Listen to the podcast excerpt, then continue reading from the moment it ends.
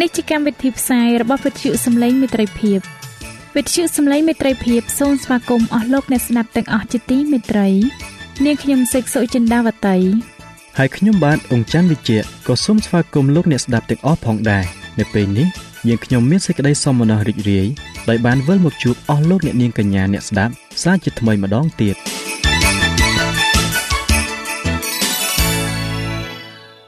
ចា៎លោកអ្នកស្ដាប់ជាទីមេត្រី នាងខ្ញុំសូមគោរពអញ្ជើញអស់លោកលោកស្រី អ្នកនាងកញ្ញាតាមដានស្ដាប់កម្មវិធីផ្សាយរបស់វិទ្យុយើងខ្ញុំដូចតទៅ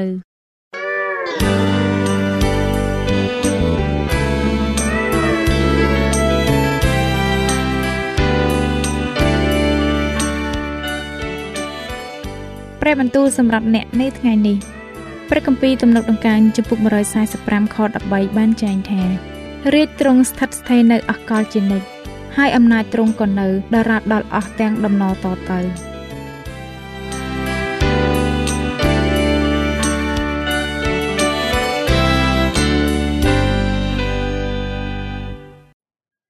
ជំរាបសួរអស់លោកអ្នកទាំងអស់គ្នាជាទីមេត្រី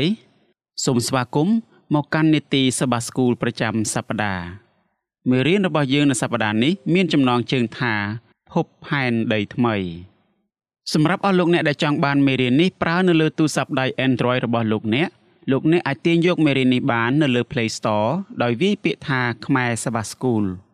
មុននឹងខ្ញុំបាទជម្រាបជូននៅខ្លឹមសារនៃមេរៀននេះខ្ញុំបាទសូមគោរពអញ្ជើញអស់លោកអ្នកបានពិចារណានៅចំណុចមួយចំនួនដែលតាក់ទងជាមួយនឹងមេរៀននេះដូចតទៅតើហេតុអ្វីបានជាសេចក្តីសន្យា ស្ដីអំពីជីវិតដ៏អស្ចារ្យជានិច្ចនៅស្ថានសួគ៌និងផែនដីថ្មី មានសារៈសំខាន់ចំពោះជំនឿគ្រឹស្តសាសនារបស់យើងតើសេចក្តីជំនឿរបស់យើង មានប្រយោជន៍អ្វីទៀតប្រសិនបើគ្មានសេចក្តីសន្យានេះអស់លោកអ្នកជាទីមេត្រីប៊ីលីគឺជាក្មេងប្រុសម្នាក់ដែលមានអាយុ12ឆ្នាំ វាបានអានសៀវភៅមួយក្បាលរហូតដល់ចប់ដែលនិយាយអំពីពិភពផ្កាយបន្ទាប់មក វាក៏លែងចង់ទៅសាលារៀនតទៅទៀត ម្ដាយរបស់វាក៏បាននាំវាទៅជួបគ្រូពេទ្យប្រចាំគ្រួសាររបស់ពួកគេ លោកវិជ្ជបណ្ឌិតបានសួរថាលីប៊ីតើឯងកើតអីតើហេតុអ្វីបានជាឯងមិនចង់ទៅសាលាអីចឹងលីប៊ីបានឆ្លើយថាដោយសារតែខ្ញុំបានអានសៀវភៅមួយក្បាលស្ដីអំពីពិភពកាយក្នុងសៀវភៅនោះ បានដំណាលថាព្រះអាទិត្យនឹងដុតបំផ្លាញផែនដីនៅពេលអនាគតនេះ ពេលនោះ រាល់ជីវិតទាំងឡាយនៅលើផែនដីនឹងត្រូវវិនាសអន្តរាយអស់ទៅដូច្នេះប្រសិនបើអ្វីអ្វីនឹងត្រូវសាបសូន្យនៅទីបញ្ចប់នោះតើហេតុអ្វីបានជាខ្ញុំចាំបាច់ទៅសាលារៀនទៀតស្ត្រីដែលជាម្ដាយរបស់ក្មេងនោះបានស្រែកឡើងថាចុះឯងទៅខ្វល់ធ្វើអីលោកវិជ្ជបណ្ឌិតបានញញឹមទៅកាន់លីប៊ីរួចលោកបាននិយាយថាទោះបីជាយ៉ាងនេះក្តីលីប៊ីប្អូនចាំបាច់ព្រួយបារម្ភអំពីរឿងនោះធ្វើអី ទម្រាំដល់រឿងនេះកើតឡើង នោះយើងរាល់គ្នាប្រហែលជាបានស្លាប់បាត់បង់ជាយូរណាស់ទៅហើយអស់លោកអ្នកជាទីមេត្រី ជាការពិតណាស់នេះជាចំណែកមួយនៃបញ្ហា នៅទីបញ្ចប់យើងរាល់គ្នានឹងត្រូវស្លាប់ជាមិនខានប៉ុន្តែសេចក្តីស្លាប់មិនមែនជារឿងចុងក្រោយដែលកើតឡើងចំពោះជីវិតរបស់យើងនោះទេ ព្រះនឹងប្រទានឲ្យយើងនៅជីវិតដ៏អស្ចារ្យជានិច្ចដល់យើងរាល់គ្នា ដែលនៅលើផែនដីដែលទ្រង់នឹងរៀបចំសាងជាថ្មីឡើងវិញនោះព្រះគម្ពីរអេសាយជំពូក65ខ17ដល់ខ25បានចែងថាត្បិតមើលអញនឹងបង្កើតផ្ទៃមេឃថ្មី ហើយនឹងផែនដីថ្មីឯរបស់ពីមុនពីមុននោះនឹងគ្មានអ្នកណានឹកចាំទៀតក៏មិនដែលចូលក្នុងគំនិតឡើយ ប៉ុន្តែត្រូវឲ្យឯងរាល់គ្នាមានសេចក្តីអំណរហើយរីករាយឡើង ជាដរាបចំពោះការដែលអញបង្កើតនោះត្បិតមើលអញនឹងធ្វើឲ្យក្រុងយេរូសាឡឹមបានជាទីរីករាយហើយប្រជាជនទាំងឡាយជាសេចក្តីអំណរនោះអញ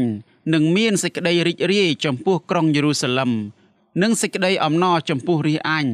រួចនៅក្នុងទីក្រុងនោះនឹងលែងឮសំឡេងយំ និងសម្រែកទៀតឡើយ ក៏នឹងលែងមានកូនតូចដែលរស់នៅ តែប៉ុន្មានថ្ងៃឬមនុស្សចាស់ដែលមិនបានរស់នៅឲ្យពេញកំណត់អាយុតទៅទៀតឡើយ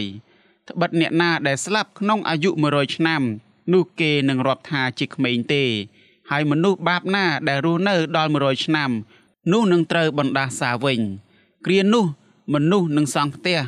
ហើយនឹងអាស្រ័យនៅផងក៏នឹងដាំចំការទំពាំងបាយជូរហើយនឹងបរិភោគផលដែរ គេនឹងមិនសង់រួចមានម្នាក់ទៀតអាស្រ័យនៅ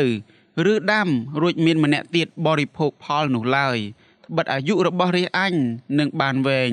ដូចជាអាយុនៃដើមឈើហើយពួករើសតាំងរបស់អញនឹងប្រើប្រាស់ការដែលដៃគេធ្វើជាយឺនយូរទៅ គេនឹងមិនខំធ្វើជាឥតប្រយោជន៍ឬបង្កើតមកឲ្យតែបានត្រូវវិនិច្ឆ័យនោះឡើយ ត្បិតគេជាពូជនៃពួកដ៏មានពររបស់ព្រះយេហូវ៉ាព្រមទាំងកូនដែលគេបង្កើតតទៅផង គ្រានោះមុនដែលគេអំពាវនាវនោះអញនឹងឆ្លើយតបហើយកាលគេកំពុងតែចេញសម្ដីនៅឡើយនោះអញនឹងស្ដាប់ដែរឯឆ្កែព្រៃនិងកូនជៀមវានឹងរកស៊ីជាមួយគ្នា ហើយសឹងនឹងស៊ីចំបើងដូចជាគោចំណែកពស់វានឹងមានធូលីដីជាអាហារ សត្វទាំងឡាយនឹងមិនបៀតបៀនឬបំផ្លាញអ្វីនៅគ្រប់ក្នុងស្រុកភ្នំបរិសុទ្ធរបស់អញទៀតឡើយ នេះជាព្រះបន្ទូលនៃព្រះយេហូវ៉ាអរលោកអ្នកជាទីមេត្រីតើព្រះជាម្ចាស់សន្យាថានឹងធ្វើអ្វីខ្លះនៅក្នុងខទាំងនេះព្រះជាម្ចាស់បានសន្យាថានឹងធ្វើឲ្យគ្រប់យ៉ាងទៅជាថ្មីឡើងវិញទ្រង់បានមានបន្ទូលក្នុងព្រះគម្ពីរអេសាយជំពូក65ខ17ថា ត្បិតមើលអញនឹងបង្កើតផ្ទៃមេឃថ្មី ហើយនឹងផែនដីថ្មីឯរបស់ពីមុនពីមុន នោះនឹងគ្មានអ្នកណានឹកចាំទៀតក៏មិនដែលចូលក្នុងគំនិតឡើយព្រះជាម្ចាស់បានសន្យាថាប៉ុន្តែត្រូវឲ្យឯងរាល់គ្នាមានសេចក្តីអំណរហើយរីករាយឡើង ជាដរាបចំពោះការដែលអញបង្កើតនោះត្បិតមើលអញនឹងធ្វើឲ្យក្រុងយេរូសាឡឹមបានជាទីរីករាយ ហើយប្រជាជនទាំងឡាយជាសេចក្តីអំណរព្រះគម្ពីរអេសាយជំពូក65ខ18នៅក្នុងទីក្រុងយេរូសាឡឹមនឹងលែងមានអ្នកណាយំសោកទៀតឡើយមនុស្សនឹងមានអាយុជាង100ឆ្នាំមុនពេលដែលពួកគេស្លាប់កិច្ចការដែលដៃគេធ្វើនឹងកូនចៅរបស់ពួកគេនឹងនៅគង់វង្សស្ថិតស្ថេរនៅជាយូរអង្វែងនឹងបានផ្ដល់នៅភាពរីករាយដល់មនុស្សទាំងពួង ព្រះនឹងឆ្លើយតបពួកគេមុនពេលដែលពួកគេអំពាវនាវដល់ទ្រង់ទៅទៀតរហូតមកដល់ពេលនេះ យើងបានឃើញទស្សនវិជ្ជានៃជីវិតដ៏យូរអង្វែងប្រកបដោយសន្តិភាព និងសេចក្តីអំណរដែលរាជរបស់ព្រះនឹងទទួលបាននៅក្នុងទឹកដីសន្យាត្រូវហើយពួកគេពិតជារស់នៅបានយូរប៉ុន្តែពួកគេនឹងត្រូវស្លាប់ដែរតើសេចក្តីសន្យានៃការផ្លាស់ប្ដូរដ៏ធំ ដែលយើងរំពឹងថានឹងកើតឡើង ចំពោះគ្រប់យ៉ាងនៅលើផែនដីនេះគឺជាអ្វីទៅ ខបន្ទាប់ប្រាប់យើងថាឯឆ្កែព្រៃនិងកូនជៀមវានឹងរកស៊ីជាមួយគ្នា ហើយសឹងនឹងស៊ីចំបាងដូចជាគោចំណែកពស់វានឹងមានធូលីដីជាអាហារសត្វទាំងឡាយនឹងមិនបៀតបៀនឬបំផ្លាញអ្វីនៅគ្រប់ក្នុងស្រុកភ្នំបរិសុទ្ធរបស់អញទៀតឡើយនេះជាព្រះបន្ទូលនៃព្រះយេហូវ៉ា អស់លោកអ្នកជាទីមេត្រីសត្វតោស៊ីសាច់ជាអាហារដើម្បីឲ្យសត្វតោបញ្ឈប់ការស៊ីសាច់ពួកគេនឹងត្រូវការសារធាតុជាច្រើនដើម្បីចិញ្ចឹមជីវិតរបស់ពួកគេ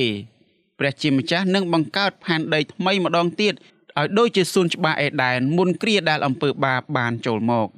ព្រះគម្ពីរអេសាយជំពូក65នេះព្រះបានបង្ហាញយើងអំពីទស្សនវិជ្ជានៃផែនដីថ្មីជាដំណាក់ជាដំណាក់ ទី1ទ្រង់នឹងស្ថាបនាក្រុងយេរូសាឡឹមថ្មី លោកអ្នកអាចសិក្សាបន្ថែម ដោយប្រៀបធៀបរឿងនេះនៅក្នុងព្រះគម្ពីរអេសាយជំពូក11ដែលយើងបានសិក្សារួចមកហើយថាព្រះអង្គសង្គ្រោះនឹងធ្វើឲ្យអ្វីអ្វីគ្រប់យ៉ាងបានល្អប្រសើរឡើងវិញ ដល់គ្រាក្រោយមក សន្តិភាពនឹងកើតមានឡើងនៅគ្រប់ទិសទីនៅស្រុកភ្នំនៃព្រះជាម្ចាស់និមិត្តរូបដែលលោកអេសាយប្រើនៅក្នុងបទគម្ពីរអេសាយជំពូក65នេះបង្ហាញយើងថា គ្រាអនាគតគឺនឹងបានដូចគ្នានឹងអ្វីដែលយើងបានសិក្សានៅក្នុងព្រះគម្ពីរអេសាយជំពូក11ខ6ដល់ខ7សេចក្តីសន្យានៃផែនដីថ្មីនឹងចាប់ផ្ដើមនៅក្រុងយេរូសាឡឹមប៉ុន្តែការចាប់ផ្ដើមនោះគ្រាន់តែជារសជាតិសាកល្បងនៃអ្វីដែលព្រះសន្យានឹងធ្វើប៉ុណ្ណោះទ្រង់នឹងបង្កើតផែនដីថ្មីសម្រាប់មនុស្សដែលនឹងត្រូវបានសង្គ្រោះ ព្រះជាម្ចាស់ទ្រង់បានប្រទានបទព្រះបន្ទូលមកដល់លោកអេសាយដើម្បីផ្ដល់ឲ្យរាជរបស់ទ្រង់ទ្រង់បានអំពាវនាវដល់រាជរបស់ទ្រង់ឲ្យវិលត្រឡប់មកឯទ្រង់វិញទ្រង់ក៏បានប្រមានពួកគេកុំឲ្យងាកបែកចេញពីទ្រង់ដែរយើងបានឃើញការអំពាវនាវនិងការប្រមានរបស់ព្រះ នៅក្នុងព្រះគម្ពីរអេសាយទាំងមូលព្រះនឹងជួយសង្គ្រោះដល់អស់អ្នកណាដែលគ្មានភាពអំនួតនៅក្នុងចិត្តឡើយព្រះជាម្ចាស់នឹងប្រទានជីវិតថ្មីដល់គេ គឺដល់អស់អ្នកដែលទុកចិត្តលើព្រះបន្ទូលរបស់ទ្រង់ដោយដែលយើងបានឃើញនៅក្នុងព្រះគម្ពីរអេសាយជំពូក40ខ1ព្រះជាម្ចាស់នឹងកំសាន្តចិត្តដល់រាជរបស់ទ្រង់ដែលវិលមករកព្រះវិញប៉ុន្តែទ្រង់នឹងបំផ្លាញដល់អស់អ្នកណាដែលប្រឆាំងនឹងទ្រង់គឺនឹងអស់អ្នកដែលធ្វើពុតជាស្រឡាញ់ដល់ទ្រង់តែនៅចំពោះមុខបណ្ដាជនប៉ុន្តែតាមពិតទៅពួកគេមិនដែលគោរពប្រណិប័តតាមទ្រង់នោះឡើយ ព្រះក៏នឹងបំផ្លាញអស់អ្នកដែលស្អប់ខ្ពើមនិងប្រឆាំងដល់អ្នកដែលស្មោះត្រង់នឹងទ្រង់ដែរព្រះគម្ពីរអេសាយជំពូក66ខ5ពួកមនុស្សអាក្រក់ទាំងនេះក៏មានរាប់បញ្ចូល ទាំងអ្នកដែលថ្វាយបង្គំដល់ព្រះមិនពិតដែរព្រះគម្ពីរអេសាយជំពូក66ខ17និងព្រះគម្ពីរអេសេគៀលជំពូក8ខ7ដល់ខ12ក្រោយពីព្រះជាម្ចាស់បានបំផ្លាញពួកខ្មាំងសត្រូវរបស់ទ្រង់រួចរាល់ហើយ ទ្រង់បានសម្ដែងនៅសេរីរុងរឿងរបស់ទ្រង់ដែលដើរតួដូចជាមេដែក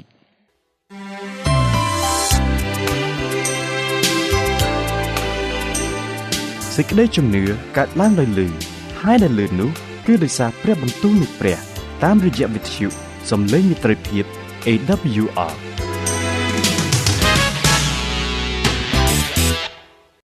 អស់លោកអ្នកជាទីមេត្រីសេរីរុងរឿងរបស់ព្រះអង្គ មានជាស្ដាក្នុងការទាញឬអូសទាញមនុស្សឲ្យមកឯក្រុងយេរូសាឡឹមព្រះជាម្ចាស់បានប្រទានពរដល់រាជរបស់ទ្រង់នៅទីសម្គាល់មួយលោកអេសាយមិនបង្ហាញទីសម្គាល់នោះដល់យើងទេប៉ុន្តែយើងអាចស្មានដឹងថានេះជាទីសម្គាល់ចុងក្រោយដែលព្រះគម្ពីរអេសាយបានលើកឡើងព្រះជាម្ចាស់នឹងប្រទានឲ្យរាជរបស់ទ្រង់មានសេចក្តីអំណរនិងសន្តិភាព ហើយទ្រង់នឹងប្រគល់ទឹកដីរបស់គេត្រឡប់មកវិញព្រះគម្ពីរអេសាយជំពូក55ខ12និងខ13នៅពេលដែលព្រះជាម្ចាស់សម្ដែងនៅសេរីរុងរឿងរបស់ទ្រង់ដោយធ្វើកិច្ចការទាំងនេះសម្រាប់រាជរបស់ទ្រង់នោះគឺជាទីសម្គាល់មួយហើយ ការនេះចង់បើកសម្ដែងឲ្យឃើញថាព្រះជាម្ចាស់សពព្រះតីដល់រាជរបស់ទ្រង់ម្ដងហើយម្ដងទៀតដូចគ្នានេះដែរព្រះបានប្រទានទីសម្គាល់មួយ នៃអន្តនូដល់លោកតាណូអេបន្ទាប់ពីទឹកជំនន់រួចព្រះជាម្ចាស់បានបញ្ជូនមនុស្សដែលបានសង្គ្រោះរួចហើយឲ្យចេញទៅគ្រប់ទិសទីនៅលើផែនដីទ្រង់ចង់ឲ្យរាជរបស់ទ្រង់ចែកចាយដំណឹងល្អអំពីព្រះអង្គដល់មនុស្សទាំងឡាយដែលមិនធ្លាប់ស្គាល់ទ្រង់នៅឡើយប្រជាជនដែលបានសង្គ្រោះនឹងប្រាប់ដល់ប្រជាជាតិនានាអំពីព្រះកិត្តិនាមរបស់ទ្រង់នេះជាឧទាហរណ៍ដ៏ល្អបំផុតមួយនៅក្នុងព្រះគម្ពីរសញ្ញាចាស់ ដែលបានបើកសម្ដែងអំពីផែនការរបស់ព្រះមកដល់រាជរបស់ព្រះអង្គទ្រង់ចង់ឲ្យរាជរបស់ទ្រង់ចែកចាយសេចក្តីបង្រៀនរបស់ព្រះអង្គជាមួយនឹងពួកសាសដតីព្រះគម្ពីរអេសាយបានបង្ហាញយើងរួចមកហើយថា មនុស្សម្នាដែលមកពីប្រទេសដទៃនឹងមករកសាសយូដា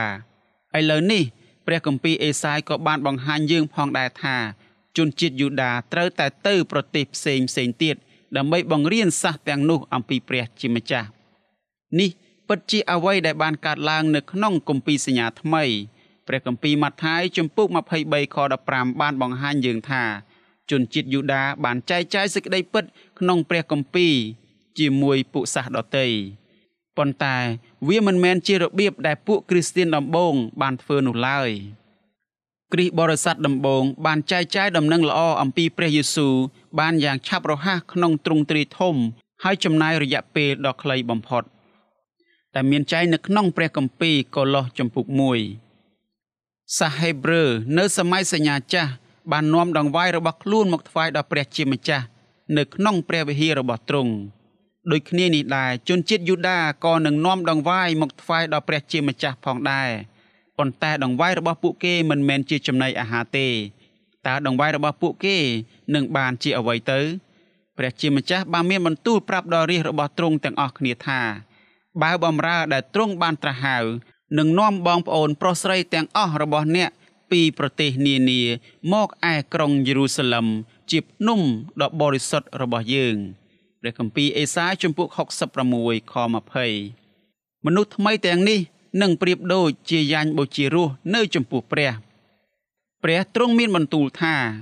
អញនឹងយកពួកអ្នកនោះខ្លះតាំងឡើងជាសង្ឃហើយជាលេវីតើខនេះបង្ហាញអំពីអ្វីតើនរណាគេជាពួកនោះខ្លះដែលខព្រះគម្ពីរអេសាយជំពូក66ខ21បានលើកឡើងនេះ មនុស្សទាំងនេះជាសាសដតីឬពួកអ្នកដែលមិនមែនជាសាសយូដាព្រះនឹងជ្រើសរើស ពួកខ្លះឲ្យធ្វើជាអ្នកដឹកនាំការថ្វាយបង្គំ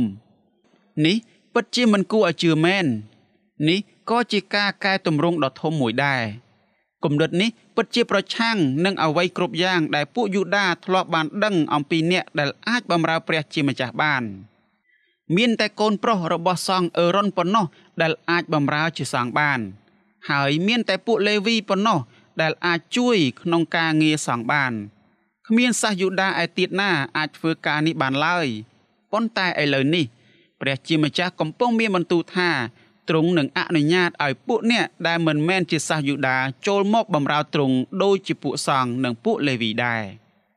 ព្រះជាម្ចាស់បានមានបន្ទូលទៅកាន់សាសអ៊ីស្រាអែលថាឯងរាល់គ្នានឹងបានធ្វើជានគរដល់អញដែលសុទ្ធតែជាសង្ឃហើយជាសាសបរិសុទ្ធអញដែរហើយជាសាសបរិសុទ្ធឲ្យអញដែរ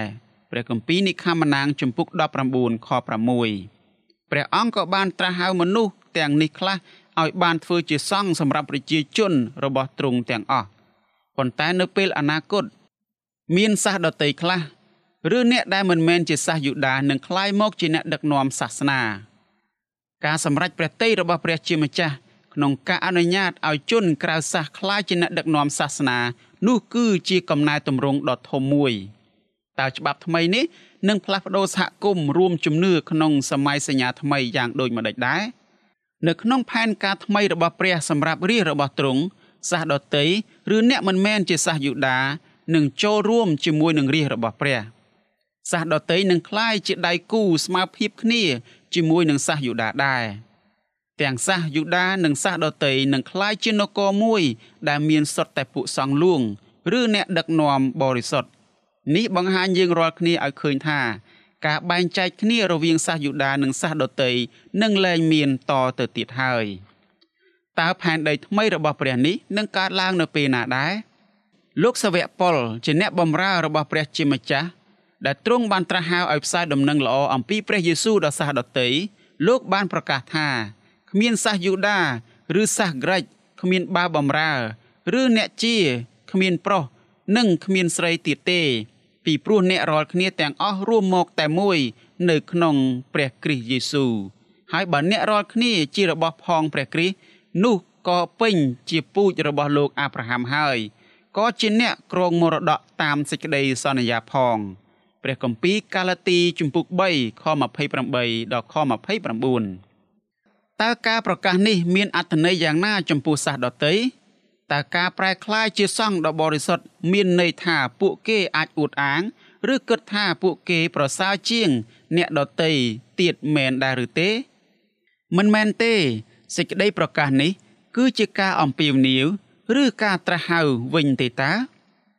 ព្រះបានត្រាស់ហៅពួកសាសដតីឲ្យចូលរួមជាមួយពួកយូដាក្នុងការប្រកាសដំណឹងល្អអំពីព្រះយេស៊ូវគ្រីស្ទហើយចោះជនជាតិយូដាវិញ តើពួកគេហ៊ានមកត្អូញត្អែថាព្រះជាម្ចាស់មិនយុត្តិធម៌ដែរឬទេព្រោះទ្រង់បានអនុញ្ញាតឲ្យសាសដតីបានคลายមកជាសង្ឃដូច្នេះពិតជាមិនមែនទេ ក្នុងពេលតែមួយសាសដតីត្រូវតែសម្ដែងនៅការគោរពចំពោះបងប្អូនប្រុសស្រីជនជាតិយូដារបស់គេព្រះបានប្រទានក្រឹតវិន័យជាមុនដំបូងមកដល់ពួកយូដាដូច្នេះលោកប៉ុលបានប្រមាន ពួកសាសដតីកុំឲ្យពួកគេអួតខ្លួនថាប្រសើរជាងជនជាតិយូដា ដែលមិនបានទទួលយកសេចក្តីពិតអំពីព្រះយេស៊ូវនោះឡើយព្រះគម្ពីរអេសាយជំពូក66ខ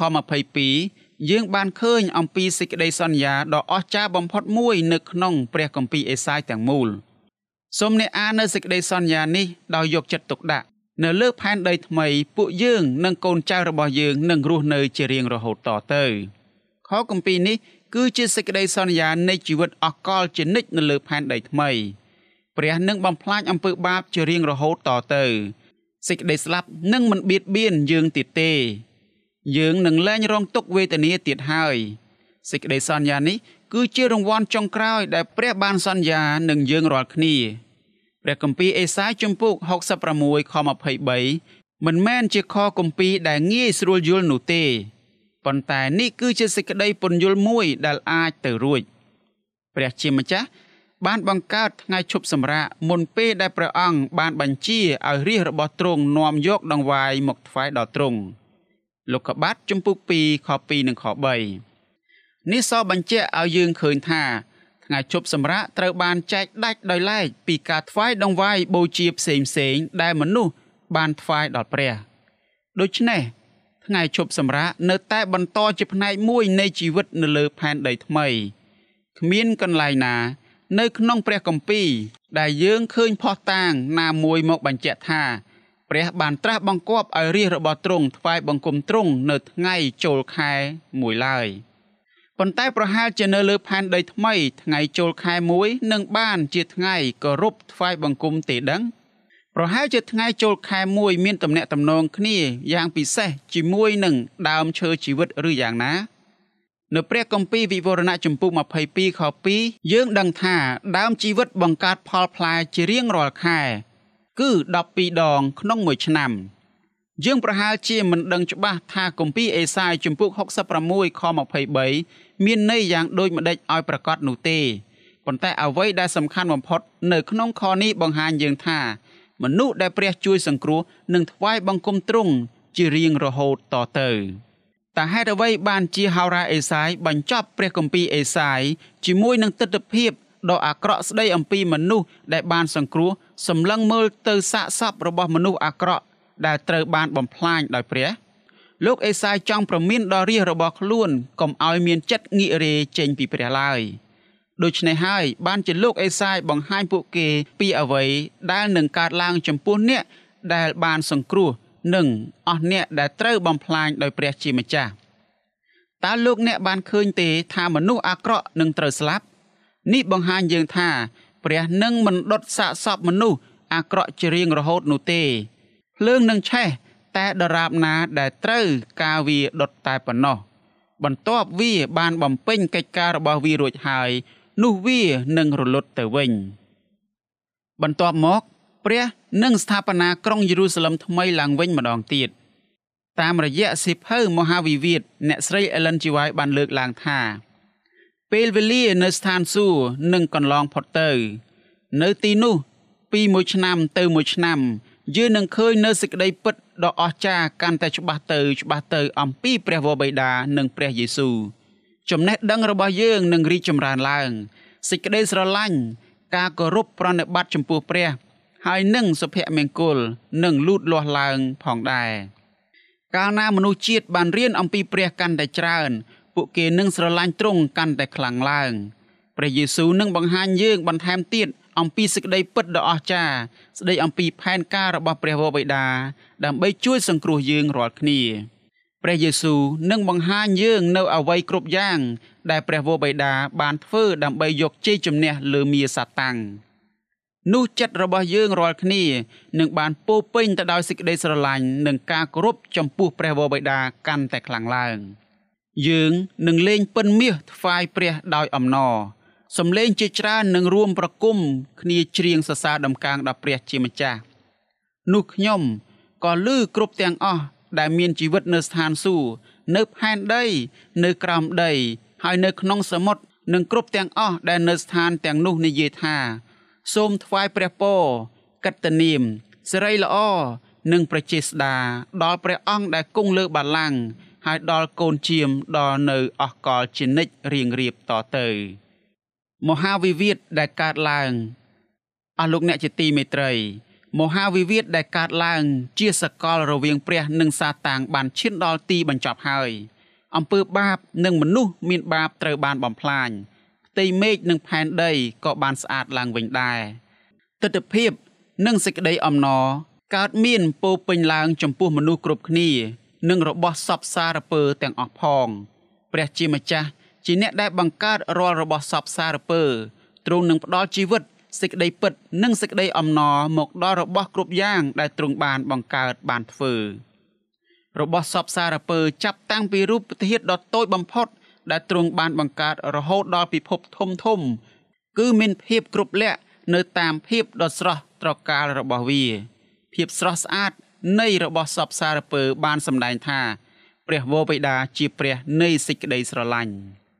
អស់លោកអ្នកជាទីមេត្រីសូមឲ្យមេរៀននេះ បានជាប្រពោដល់អស់លោកអ្នកទាំងអស់គ្នា ជាពិសេសសូមអស់លោកអ្នកបានត្រៀមខ្លួនជាស្រេចដើម្បីទទួលស្វាគមន៍ទៅដល់ព្រះយេស៊ូវក្នុងការយាងមកជាលើកទី2ដើម្បីមានចំណែកចូលទៅក្នុងនគររបស់ព្រះជាម្ចាស់ដែលជាផែនដីថ្មី ជាចុងបញ្ចប់នៃមេរៀននេះខ្ញុំបាទសូមលើកយកនៅខព្រះគម្ពីរមួយដែលជាចំណងដៃដល់អស់លោកអ្នកទាំងអស់គ្នាគឺនៅក្នុងព្រះគម្ពីរអេសាយជំពូក65ខ17ដែលបានចែងថា ត្បិតមើលអញនឹងបង្កើតផ្ទៃមេឃថ្មី ហើយនឹងផែនដីថ្មីឯរបស់ពីមុនពីមុន នោះនឹងគ្មានអ្នកណានឹកចាំទៀតក៏មិនដែលចូលក្នុងគំនិតឡើយកម្មវិធីនេះនឹងវិលត្រឡប់មកជួបអស់លោកអ្នកជាថ្មីម្ដងទៀតនៅសប្តាហ៍ក្រោយ សូមព្រះជាម្ចាស់ទ្រង់ប្រទានពរអាមែន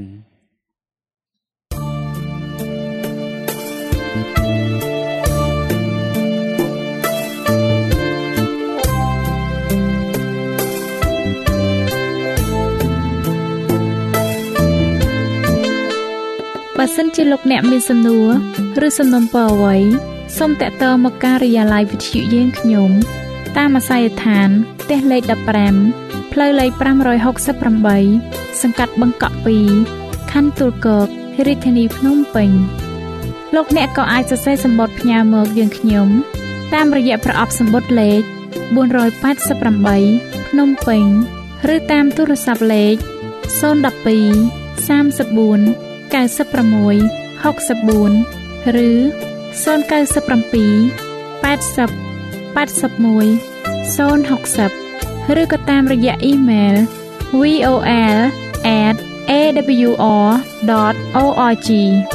យើងខ្ញុំរងចាំទទួលស្វាគមន៍អស់លោកអ្នកនាងដោយក្តីសោមនស្សរីករាយហើយលោកអ្នកក៏អាចស្ដាប់កម្មវិធីនេះឡើងវិញ ដោយចូលទៅកាន់ website របស់វិទ្យុយើងខ្ញុំ តាមរយៈអាស័យដ្ឋាន www.awr.org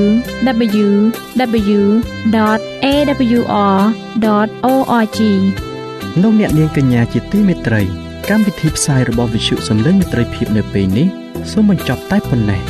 យើងខ្ញុំសូមអរគុណចំពោះការតាមដានស្ដាប់របស់អស់លោកអ្នកតាំងពីដើមរហូតដល់ចប់យើងខ្ញុំសូមជូនពរឲ្យអស់លោកអ្នកនាងកញ្ញាទាំងអស់ បានចម្រើនឡើងក្នុងព្រះគុណព្រះអង្គម្ចាស់ហើយក្នុងការទទួលយកព្រះយេស៊ូវគ្រីស្ទជាព្រះអង្គម្ចាស់និងជាព្រះអង្គសង្គ្រោះនៃយើងរាល់គ្នានាទីផ្សាយរបស់វិទ្យុយើងខ្ញុំនឹងវិលមកជួបអស់លោកអ្នកសាជាថ្មីម្ដងទៀតនៅថ្ងៃស្អែកវេលាម៉ោងដដែលនាងខ្ញុំសេកសុចិន្តាវតីនិងខ្ញុំបាទអុំច័ន្ទវិជ្ជៈសូមអរគុណសូមជម្រាបលា